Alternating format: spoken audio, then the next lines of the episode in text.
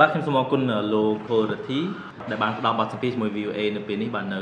ទីតាំងការិយាល័យធ្វើការរួមគ្នាឬ co-working space មួយនៅរាជធានីភ្នំពេញដែលមានឈ្មោះថា Emerald Hub បាទជាដំបូងនេះខ្ញុំចង់សួរលោកថាលោកបានបង្កើតការិយាល័យធ្វើការរួមគ្នាឬ co-working space នេះប្រហែលហើយហើយជួយបញ្យល់ដល់ប្រិមត្តថាតើការិយាល័យធ្វើការរួមគ្នាមានន័យយ៉ាងម៉េចបាទតាំងពីចាប់ផ្ដើមមកយើងបានបង្កើត3កន្លែងហើយយើងបិទវិញមួយកន្លែង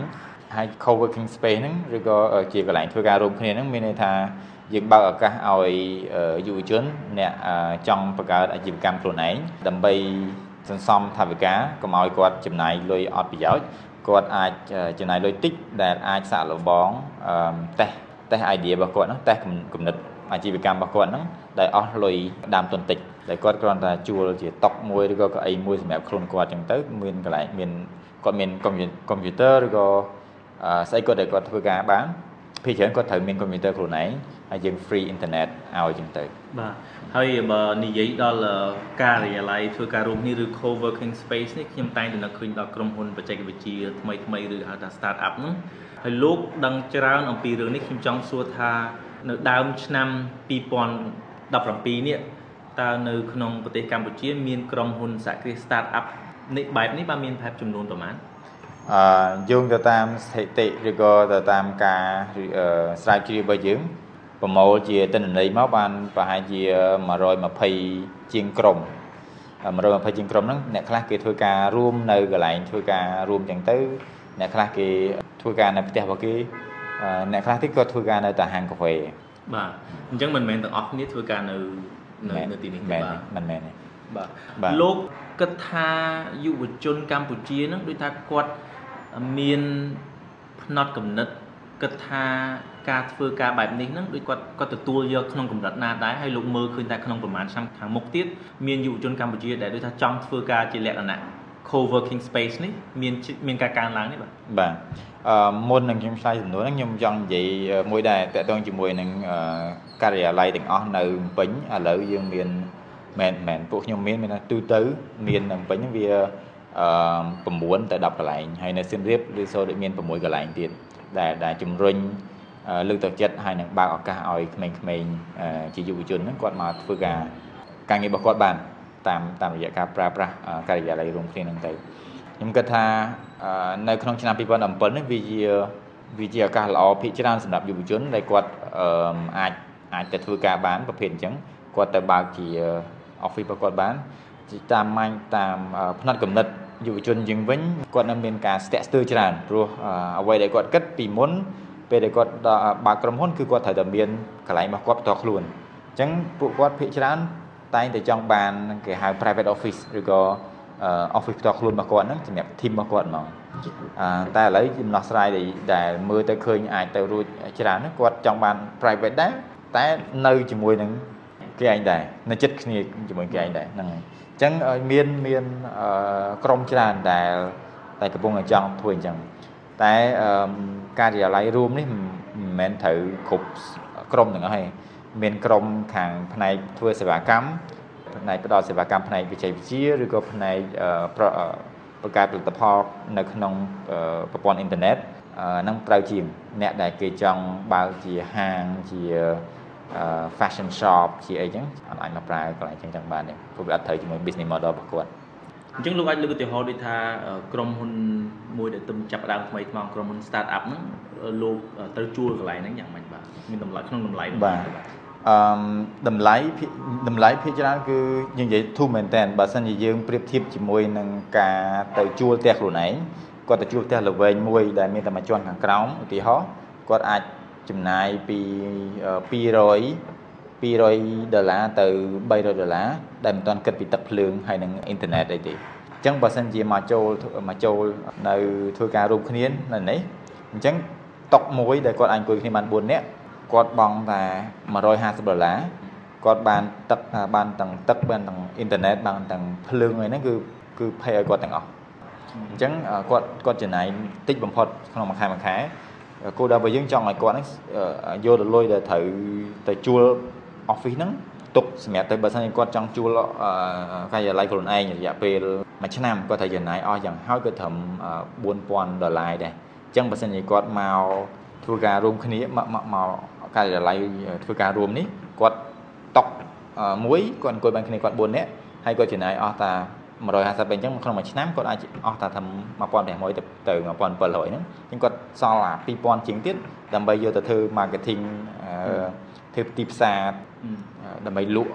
ផលិតផលរបស់គាត់សេវាកម្មរបស់គាត់អញ្ចឹងបើគាត់ជួលខ្លួនឯងគាត់ចំណាយលុយទៅលើហ្នឹងអស់មួយអញ្ចឹងគាត់ត្រូវចាយលុយពីលើទៀតទៅលើបុគ្គលិកទៅលើអីទៅលើធ្វើទីផ្សារហ្នឹងទៀត អញ្ចឹង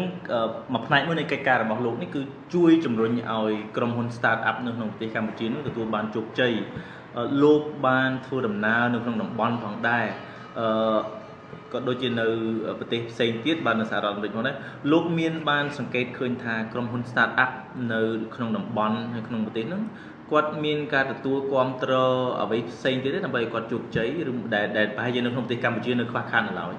និយាយទៅ start up ភាគច្រើនគាត់មាន start up ផ្សេងផ្សេងទៀតដែលជួយវិនិយោគឲ្យគ្នាទៅវិញទៅមកគេថាអ្នក start up ជំនាន់មុនដែលគេជោគជ័យទៅគេគេវិនិយោគឲ្យអ្នកដែលទំតែចាប់ដើមឥឡូវហ្នឹងអាហ្នឹងនៅភាគច្រើននៅអាមេរិកនៅអីគេមានអាហ្នឹងច្រើននៅនៅតំបន់អាស៊ីអាគ្នេយ៍យើងមិនទាន់មានច្រើនហ្មងទេប៉ុន្តែអឺដោយសាររដ្ឋាភិបាលគេមើលឃើញថាគេចង់ជំរុញផ្នែកហ្នឹងច្រើនអញ្ចឹងគេបើកជាគេហៅ មជ្ឈមណ្ឌលបដិបដាអាជីវកម្មអញ្ចឹងទៅដូចដូចនៅម៉ាឡេមាន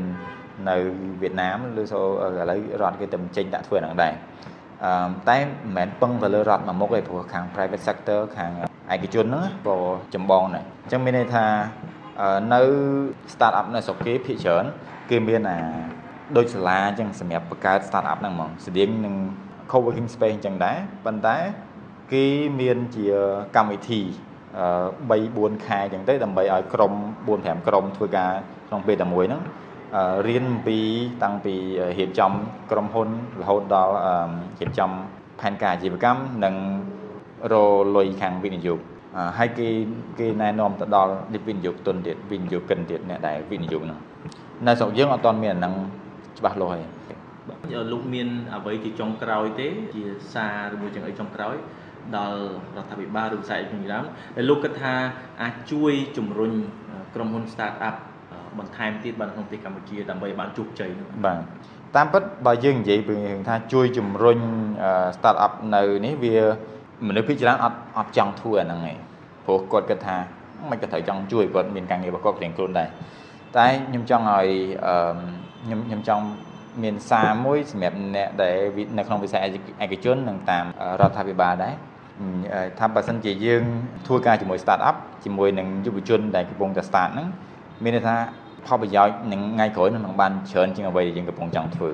បើយើងវិនិយោគទៅលើ start up ណាមួយឧទាហរណ៍បើក្រុមក្រុមហ៊ុនឯកជនគាត់កំពុងតែមានក្រុមហ៊ុនគាត់ហើយមានសល់ទុនតិចតួចដែលអាចវិនិយោគទៅ start up បានឃើញនៅស្រុកគេខ្ញុំឃើញមានប្រយោជន៍ច្រើនពេលដែលក្រុមហ៊ុនធំមួយ invest ទៅលើវិនិយោគទៅលើ start ក្រុមក្រុម start up ណាមួយហើយទុកឲ្យ start up ហ្នឹងរីកចម្រើនអញ្ចឹងភិកហ៊ុនចេញពី start up ហ្នឹងតូចហ្នឹងដែលគាត់ invest ហ្នឹងមក return មកក្រុមហ៊ុនហ្នឹងវិញធំទលាយខាងរដ្ឋក៏ដូចគ្នាដែរបើសិនជាយើងជួយ start up នឹងឲ្យដើរឲ្យឲ្យរីករីកលូតលាស់មួយហ្នឹងជួនកាលអាចជាអ្នកដែលបង់ពន្ធសម្រាប់មកមក department របស់រដ្ឋទាំងមូលមកបាន អញ្ចឹងតែបើលោកសម្ដៅនេះជួយចង់និយាយថាអ្នកវិនិយោគនៅក្នុងស្រុកគួរតែសម្លឹងមើល start up ក្នុងស្រុកដូចគ្នាមិនថាយើងមិនជំនាញមិនតបថាមិនតន់ដល់ចាំដល់អ្នកខាងក្រៅតែអ្នកក្នុងស្រុកខ្លួនឯងហ្នឹងដែលមានលុយមានធនធានហើយគួរតែសម្លឹងមើលវិនិយោគទៅលើបាទហើយវិនិយោគជាលក្ខណៈដែលឲ្យ start up ហ្នឹងគាត់មានឯករាជ្យភាពនៃការសម្រេចចិត្តដំណើរការអាជីវកម្មរបស់គាត់មានថាយើងទៅនេះជាជាអ្នកជួយធ្វើឲ្យ start up របស់គាត់ហ្នឹងអត់ដួល ក្រុមហ៊ុនគាត់ហ្នឹងអត់ដួលមិនមែនទៅទិញជាលក្ខណៈខ្ញុំឮសូនអ្នកមានសុខខ្មែរយើងពីច្រើនចង់វិនិយោគមួយ start up ដាក់70%ឬក៏90%យកហ្មងអ្នកដែលចាប់ផ្ដើមនោះឲ្យគាត់10%ហ្នឹងទៅអញ្ចឹងគាត់អត់មានកម្លាំងចិត្តដើម្បីគ្រប់គ្រងឬក៏ដំណើរការធ្វើម៉េចឲ្យឲ្យក្រុមហ៊ុនហ្នឹងរីកចម្រើនបាននេះអញ្ចឹងគាត់អត់មានអាសម្ដេចចិត្តហ្នឹងឯករាជ្យភាពនៃការសម្ដេចចិត្តហ្នឹងវាមានតិច សម្រាប់ពួកគាត់អញ្ចឹងបើសិនជាគាត់ចង់ឲ្យអាលុយដែលគាត់ត្រឡប់មកវិញពីការវិនិយោគរបស់គាត់ហ្នឹងគឺសម្លឹងមើលប្រភេទជាលក្ខណៈឲ្យជាការជាការជួយហើយឲ្យជាឯករាជ្យភាពនៃការសម្ដេចចិត្តវិញបាទខ្ញុំសូមអរគុណលោកធូររធី ដែលបានផ្ដល់បទសម្ភាសន៍ជាមួយ VOA បាននឹងសូមជម្រាបលាបាទអរគុណ